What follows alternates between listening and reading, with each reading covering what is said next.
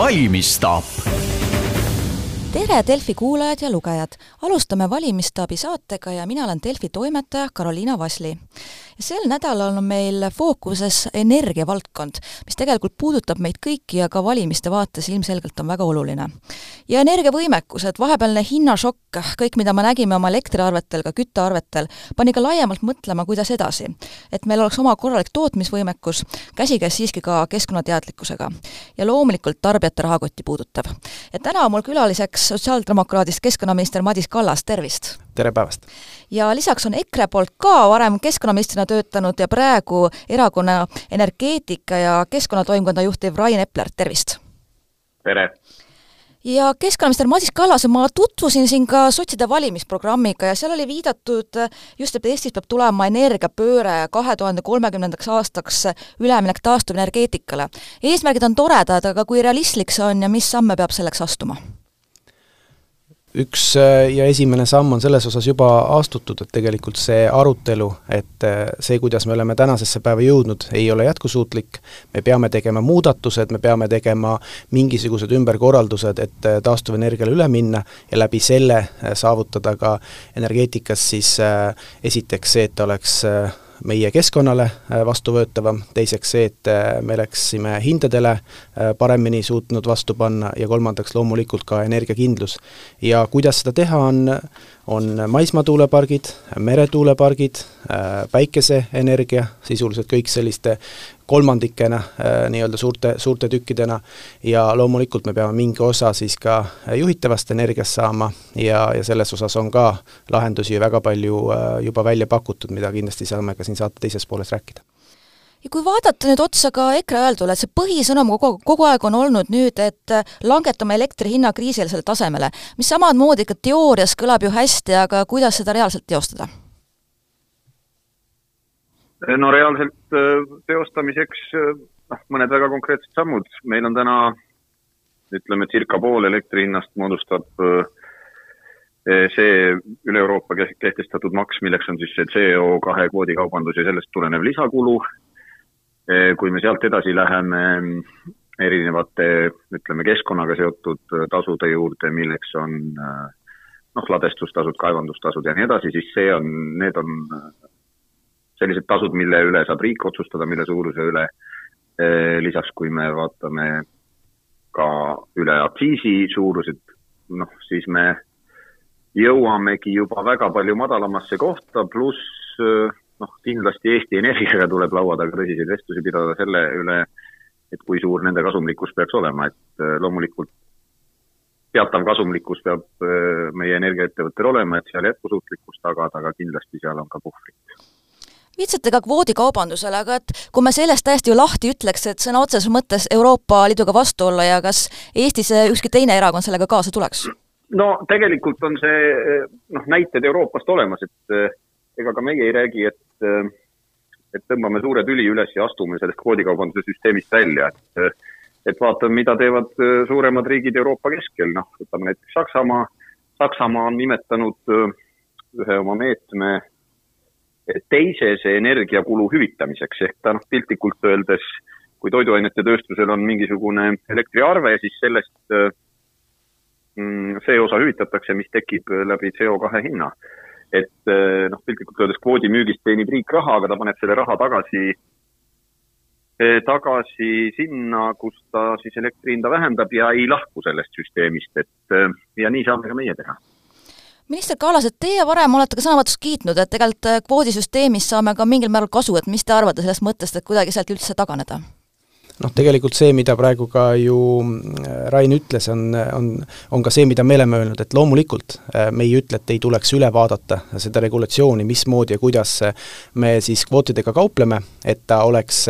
tänasesse süsteemi sobiv, tänasesse aega sobiv. Ja tegelikult ka meie sõnum on seesama, et need kasumid või need arendused ja need investeeringud, mis me oleme teinud tegelikult kvoodirahadest, on olnud ju väga ja väga vajalikud kogu Eesti ühiskonnale, ükskõik mis projekte me vaatame ja aga ma olen nõus, et see tuleb üle vaadata, väljuda, ma ei näe varianti sellest, ma ei näe ka, et see tuleks nagu kapitaalselt ära lõhkuda, aga seal tuleb teatud muudatused teha, ehk ta ei saa olla ebaproportsionaalselt nagu suur elektri hinnast või teistpidi me peame ta siis äh, kuidagi tagasi nii-öelda tarbimisse andma ja kompenseerima siis rohkem kas ettevõtjatele või eratarbijatele, tegelikult Eesti riik ongi seda teinud ju praegu ja kõrvalseisjana ka opositsiooni esindajana, et Epler, kuidas nagu, mis arvate, et on riik piisavalt teinud?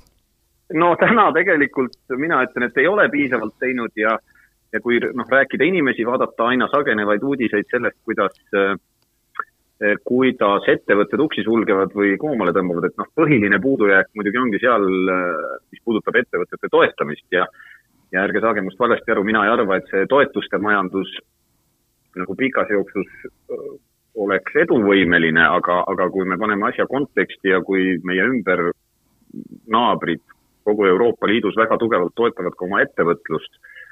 eh, siis meie seda mitte tehes jääme konkurentsis alla. ma ütleks lühikese kommentaari veel ka sellesama CO kahe, kahe kvoodi kaubanduse kohta lihtsalt, et numbrid oleks laual, et, et Eesti tõepoolest äh, saab siin teha kahte asju, et saab jätkuvalt kasu ja, ja, ja saab ka elektri hinda alla tuua, sest Eesti müüb riigina umbes viis miljonit kvoodiühikut ja need meie ettevõtjad peamisena siis Eesti Energia, kes peavad neid ühikuid ostma, ostavad umbes kaks pool miljonit, ehk et meil on nii-öelda ähm, pool, pooled ühikutest ostavad meilt äh,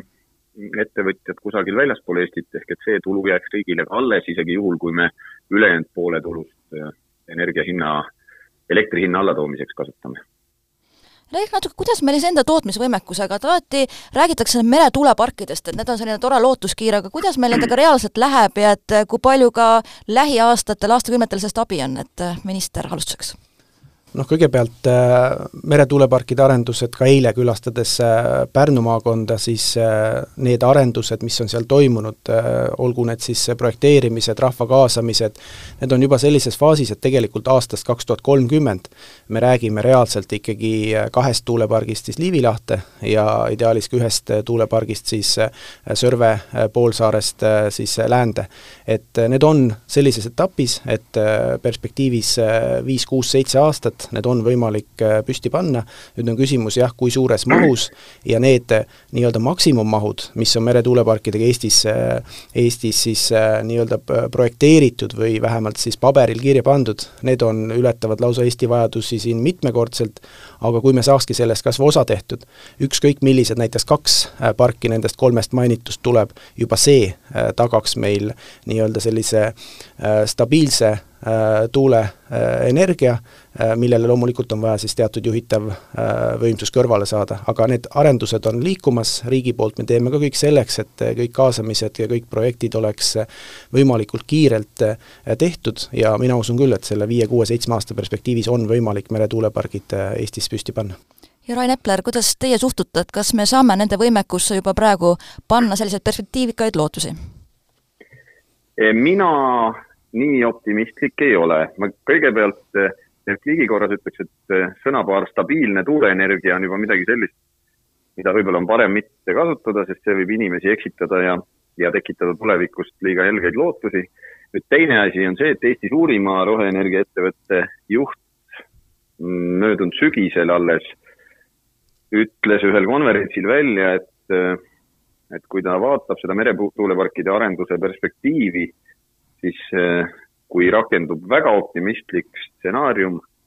eh, siis tema eh, selle puhul näeks, et meil võiks olla üks ühe gigavatise võimsusega park kusagil kümne aasta pärast valmis. et see on tunduvalt nagu aeglasem perspektiiv, kui, kui siin just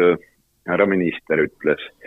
ja, ja noh, teine lugu selle juures on, mis minu arust avalikus debatis võibki inimesi eksitada, et meil selliste rõõmsate nägudega ja loosunglik, loosunglikult sellest taastuvenergiast tihti räägitakse ja, ja need äh, ajaperspektiivid äh, noh, kipuvad nagu segi minema, lähiperspektiiv ja pikk perspektiiv, et täna küll tõesti, Madis Kallas just ütles, rääkis aastast kaks tuhat kolmkümmend, et, et see oli hea, et tihti lähevad ministrid äh, intervjuud andma ja ütlevad, et kohe varsti taastuvenergia meid päästab, aga noh, olgu see seitse või kümme aastat, kuidagi on vaja sinnani elada. ja teine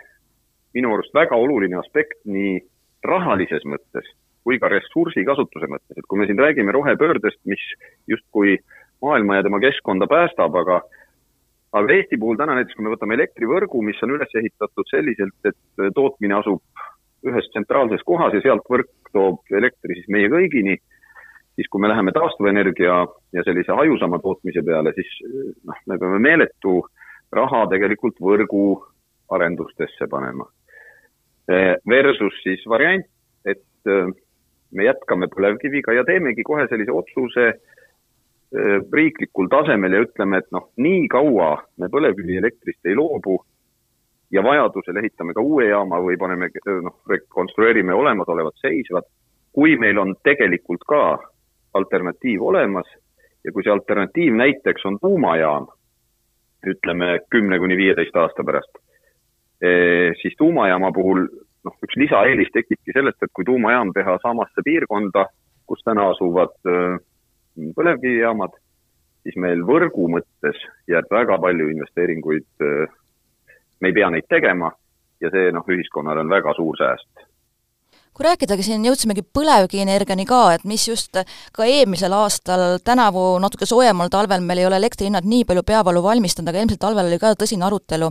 aga Madis Kaalas, teie hinnangul, et kui palju me peame siis ka põlevkivitööstusele praegu üldse panustama, seda hoidma, kas ta saab ka paralleelselt ei hakka siis natuke sellist taastuvenergia võimekuse kasvatamist nii-öelda nagu õõnestama, et selline kahe asjaga korraga tegelemine? no kõigepealt ma ütlengi ära, et äh, ma olen nõus, et äh, me ei saa ju praegu ära lammutada toimivat süsteemi, samal ajal kui meil ei ole veel piisavalt äh, päikeseparke, piisavalt maismaatuulikuid, piisavalt siis meretuuleparke, mida veel Eestis ei ole ühtegi, et millega töö käib, et need kolm arendust pidevalt lähevad, päiksepaneele on meil juba viissada viiskümmend äh, megavatti siis Eesti peale äh, ja maismaa tuulepark on ka juba päris suures mahus, et, et see protsess läheb edasi, mis puudutab nüüd põlevkivi, siis noh, tegelikult on ju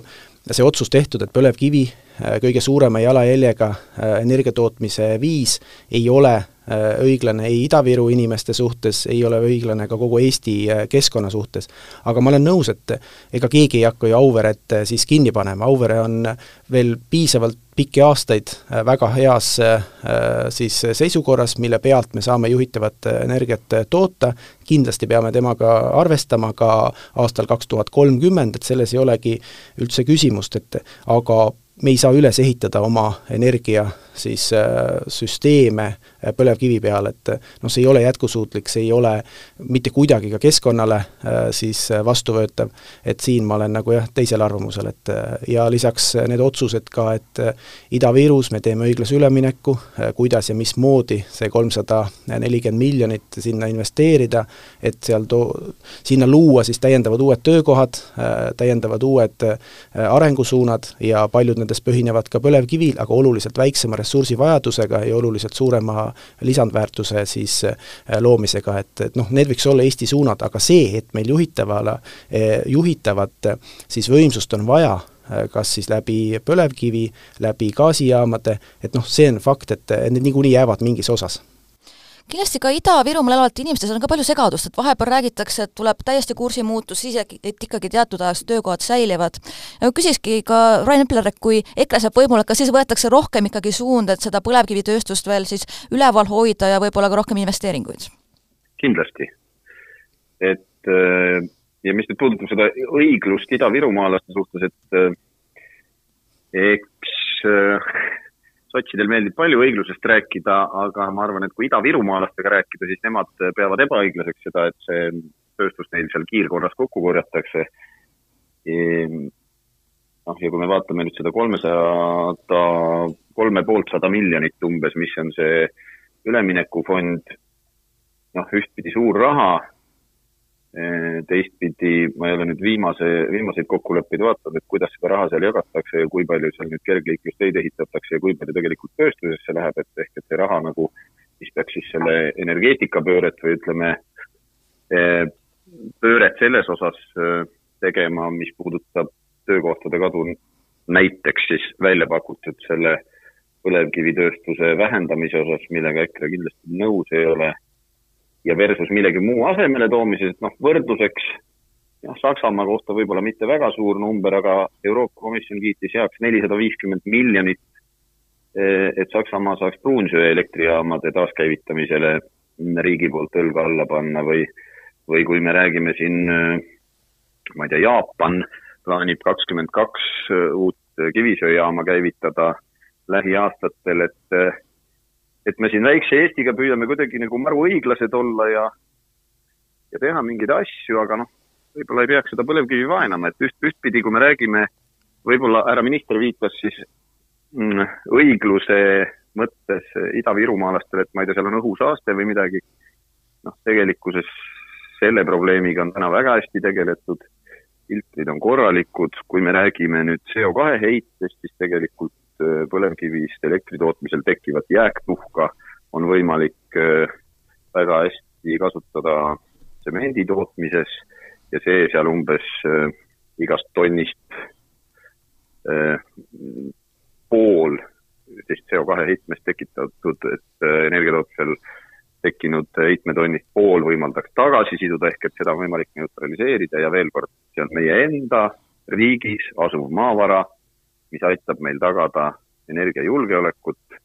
hoida elektri hinna mõistlikul tasemel, et kindlasti tuleb sellega edasi minna. seni, kuni ei ole alternatiivi jah, me, minister Kallas. jaa, ma tahtsingi kommenteerida, et noh, kõige suurem mure ongi see, et äh, põlevkivi ei ole taastuv ressurss ja vaadates, kui palju seal nüüd aastakümnetega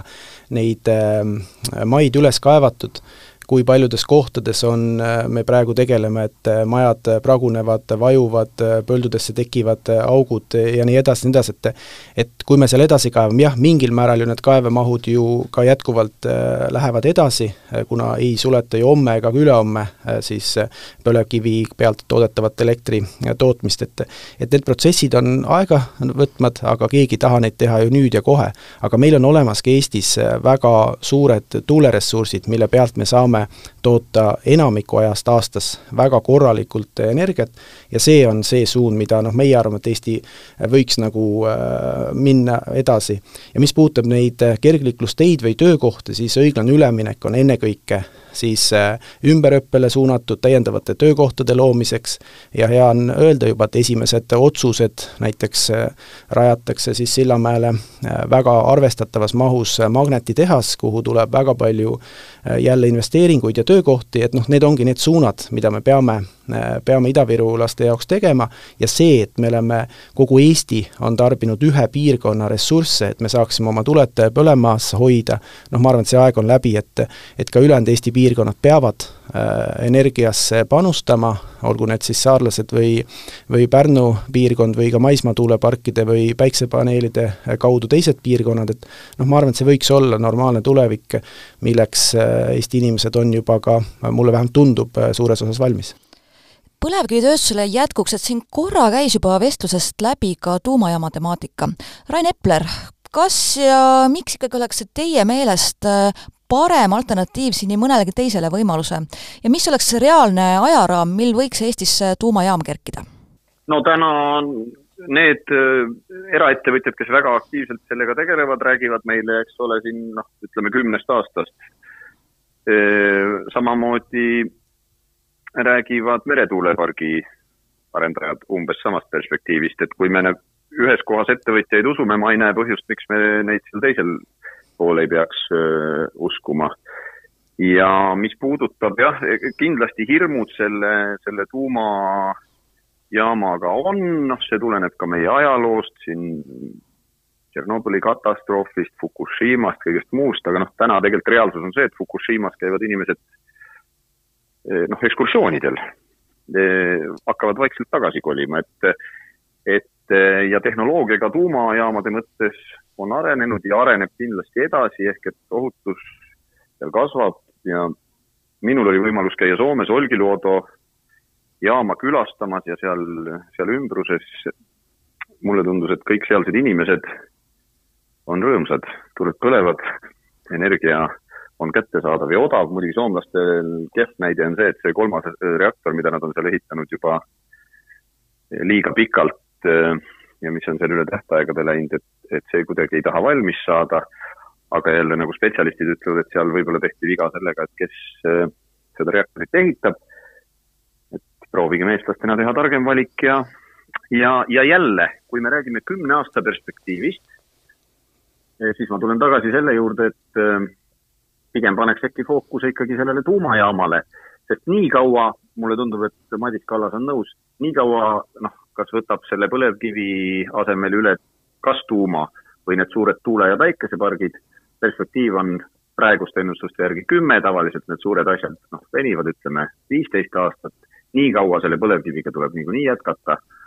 aga meil vabaneb tohutu ressurss, kui me teeme otsuse, et jätkame tsentraalse elektri tootmisega tuumajaama näol ja siis ehm, see võtab üle selle põlevkivi, põlevkivist elektri tootmise versus see, et me ehitame hajusalt neid taastuvenergeetikaparke. ja minister Madis Kallas, kuidas on teie suhtumine võimaliku tuumajaama rajamisse Eestisse?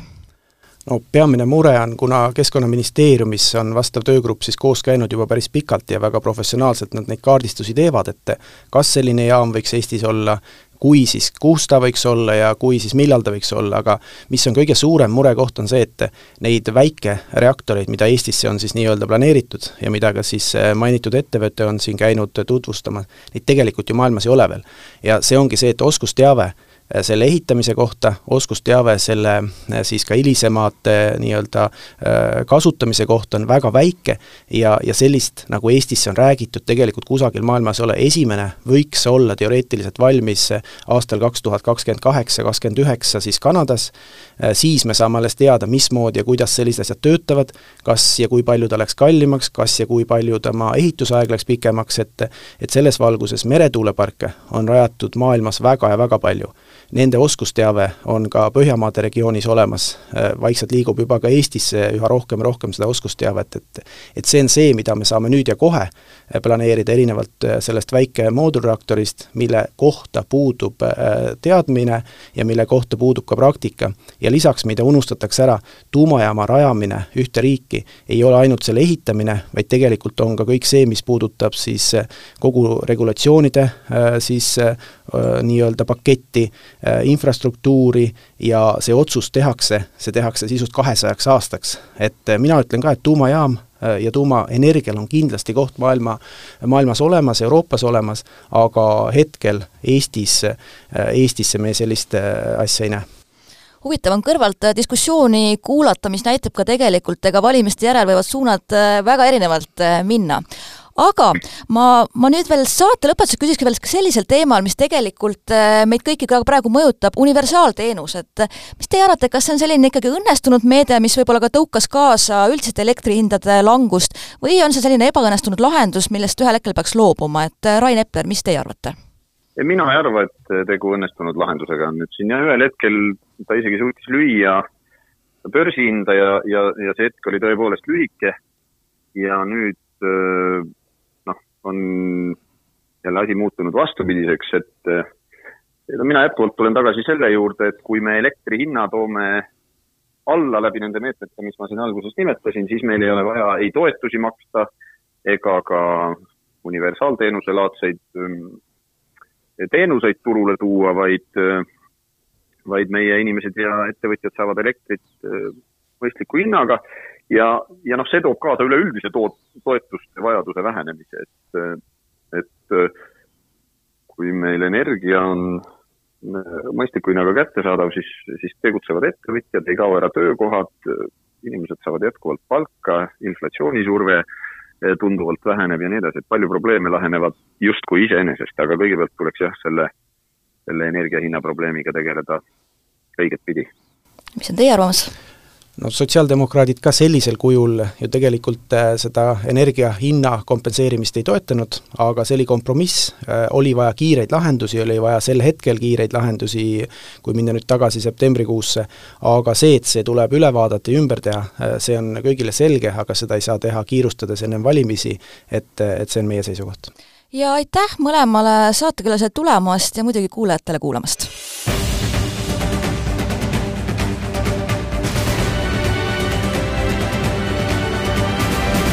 Valmistab